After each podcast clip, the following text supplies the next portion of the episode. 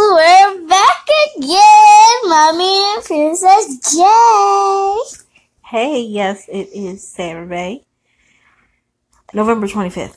I had to think about the date. November 25th, 2017, Saturday. Kind of warm in Chicago for November, about 50 degrees. Yes. So, what did we do today? Um, today we went to the movies to see Disney's Pixar Coco. Coco. What did you think of Coco? Um, I think it was a very happy movie. Okay, what was happy about it? Mm, like when, um, Miguel.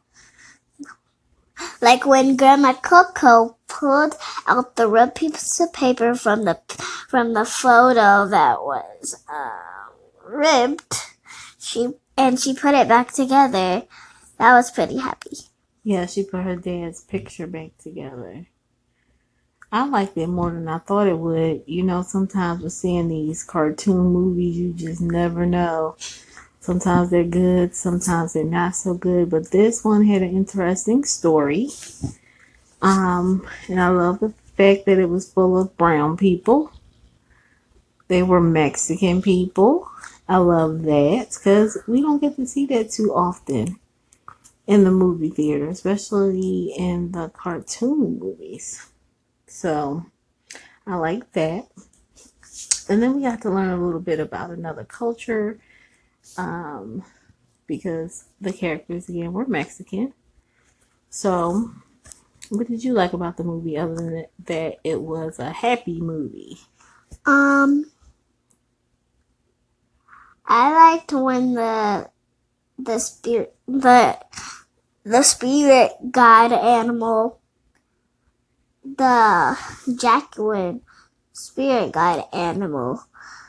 Picked picked up. Miguel? No not Miguel. Picked up who? picked up the famous person and th- Oh, De La Cruz.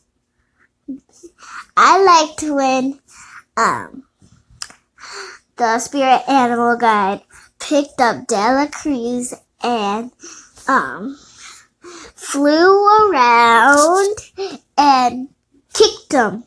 Oh, yeah, he wasn't a nice person. So, one of the spirit guide animals um, wasn't nice to him and picked him up and flew him around and just threw him into the bell. So, we're giving away the whole movie. Well, not the whole movie, but Tell him about the. you tell him. Can you please tell No, Why? because you're supposed to be speaking. It's supposed to be Mommy and Princess J, not Janae telling Mommy what to say for her. What? Speak up for yourself. I tell you that all the time? Speak up for yourself. Okay, so um I liked I liked that part that I just told you guys and I like this other part be this other part was when the ancestors taped this on the stage.